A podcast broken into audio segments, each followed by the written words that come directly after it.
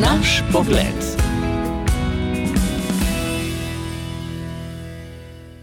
Naj najprej povem, da ta komentar ni naročen, ne plačan ali karkoli drugega.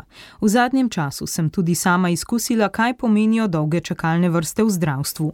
Za fizioterapijo, ki jo načeloma potrebuješ takoj, sem stopnjo zelo hitro, datum dobila čez tri mesece. Ker imam sklenjeno še dodatno zavarovanje za preglede pri specialistih, sem na vrsto prišla tako, kot bi šla samo plačniško.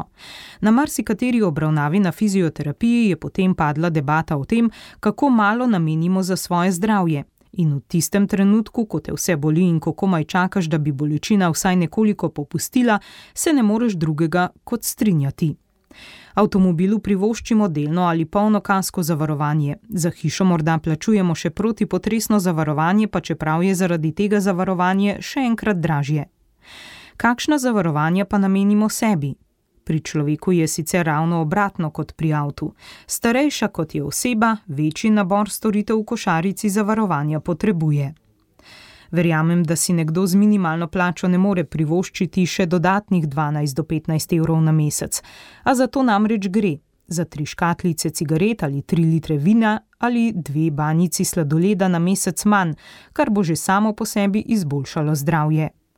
V zadnjih mesecih smo veliko slišali o dopolnilnem zavarovanju, ki naj bi po predlogu koalicije z treh zasebnih zavarovalnic prešlo na Zavod za zdravstveno zavarovanje Slovenije. V demokraciji je težko razumeti tak monopolni manever. Konkurenca naj bi bila zdrava, že zato, ker je zavarovalnicam precej mar, kako se porabi njihov denar. In tudi o tem sem pogosto premišljala v času fizioterapevtskih obravnav. Po vsakem obisku pri specialistu sem strani zavarovalnice prejela anketo o zadovoljstvu z opravljeno storitvijo, kako sem zadovoljna s komunikacijo z zavarovalnico, prijaznostjo in strokovnostjo referenta, podobna vprašanja se nanašajo na izvedbo zdravstvene storitve, dogovorjeni termin sprejema in prostor izvajalca.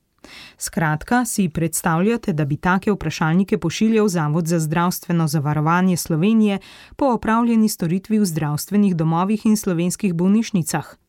Da bi morale bolnišnice bolj misliti tudi na kakovost in prijaznost. Zdajšnji koaliciji, zlasti levici, pa je bolj mar samo zato, da zavarovanje in to celo obvezno zavarovanje krije prekinitve nosečnosti, hormonske terapije in kontracepcijo, medtem ko nam narod izumira. Če bi bila zares kakšna konkurenca med zavarovalnicami, potem bi bil nabor v košarici storitev opredeljen nekoliko drugače. Zakaj bi omenjeno morali plačevati ljudje, ki se s tem zaradi moralnih zadržkov ne strinjajo, ne uporabljajo ali sploh ne potrebujejo? Ker naj nosečnost ne bi bila bolezen, tu ne moremo govoriti o solidarnosti zdravih z bolnimi, kar je mantra tistih, ki zagovarjajo sedanji način, ko vsi plačujejo enak znesek dopolnilnega zavarovanja. Skratka, z rešitvijo, ki jo skuša usiliti koalicija, že zdaj vemo, da se ne bo spremenila dostopnost do zdravstvenih storitev. Zato ni presenetljivo, da namesto tega zavarovalnice beležijo povečano povpraševanje po še dodatnih zavarovanjih, saj je to edini način, da prideš do storitve takoj, ko jo potrebuješ.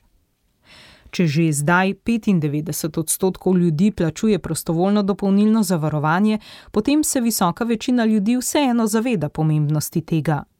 Zakaj se nam torej ne zaupa malce več svobodne inicijative tudi glede košarice v naboru storitev, saj smo vendar v svobodi? Naš pogled sem pripravila Marta Jerebič. Naš pogled.